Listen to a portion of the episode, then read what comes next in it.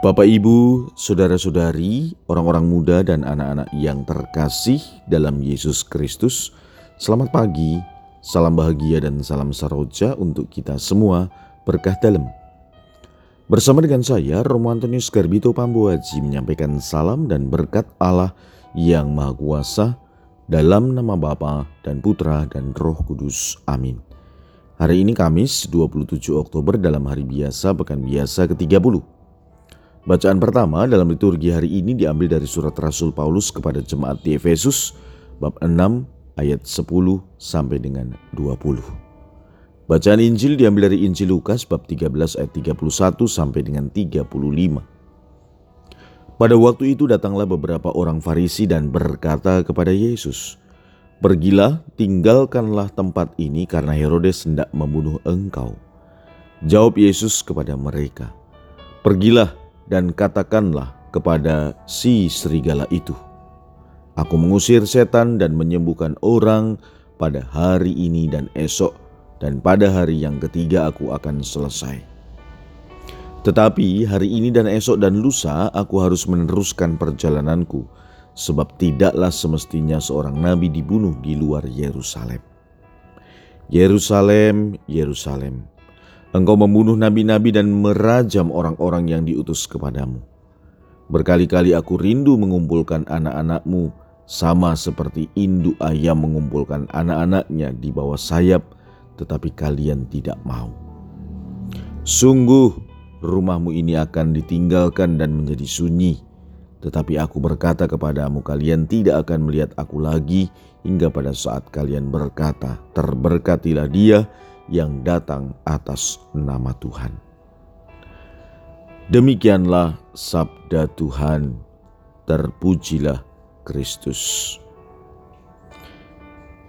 Saudara-saudari yang terkasih, sabda Tuhan yang baru saja kita dengar mengandung dua hal untuk menjadi bahan permenungan kita. Yang pertama, ketika ada orang Farisi datang kepada Yesus mengingatkan agar ia meninggalkan Yerusalem sebab Herodes hendak membunuhnya, Yesus menanggapi usulan itu dengan mengatakan bahwa ia akan tetap melanjutkan perjalanan dan pelayanannya. Yesus sudah tahu bahwa dia akan selesai di Yerusalem. Namun ia bertekad untuk tetap tinggal karena didorong kerinduan untuk mengumpulkan anak-anak Yerusalem, walau mereka tidak mau. Yang kedua, Yesus meratapi Yerusalem karena nyatanya jelas bahwa Yesus rindu untuk mengumpulkan anak-anak Yerusalem, tetapi mereka tidak mau, dan banyak hal baik dibuat oleh Yesus di sekitar Yerusalem, namun mereka juga tetap tidak percaya bahwa Yesus adalah Mesias, hamba Allah yang diutus untuk menyelamatkan. Saudara-saudari yang terkasih, kalau Yesus ditolak Yesus tetap melaksanakan tugas misinya sampai selesai. Pertanyaannya, bagaimana dengan kita? Apakah ketika kita sedang melaksanakan pekerjaan, sedang melakukan aktivitas, sedang berusaha untuk menyelesaikan persoalan, dan lain sebagainya, lalu ada penolakan? Bagaimana kita menyikapinya? Yesus tetap teguh, tegas bahwa ia harus menyelesaikan semuanya. Sekali lagi, apakah kita juga demikian? Tidak takut, tidak gentar, tetap teguh dengan prinsip yang harus kita selesaikan atau hal-hal yang harus kita bereskan. Yang kedua, kalau Yesus sudah melakukan banyak hal baik, tapi nyatanya mereka tidak dapat menerima dan tidak mengaku Yesus sebagai Mesias. Bagaimana dengan kita?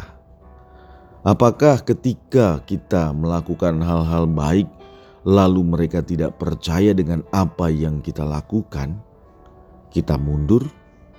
Yesus mengajarkan kepada kita untuk melakukan tetap berpegang teguh Marilah saudara-saudari yang terkasih, kita juga mengingat apa yang telah kita perbuat untuk Tuhan. Karena sering kali kita harus jujur mengakui bahwa kita tak jarang melukai hati Tuhan. Kita mohon belas kasih dan pengampunan, mohon bimbingan agar Tuhan senantiasa menjadikan kita pribadi yang berkenan di hadapannya dan tetap memiliki hati yang selaras dengannya. Marilah kita berdoa. Ya Tuhan, semoga kami tetap setia melaksanakan misi gereja dan semoga kami juga kau ampuni segala kesalahan kami bila kami jatuh dalam dosa ketidaksetiaan dan menyangkal rencanamu. Berkat Allah yang Maha Kuasa, dalam nama Bapa dan Putra dan Roh Kudus. Amin.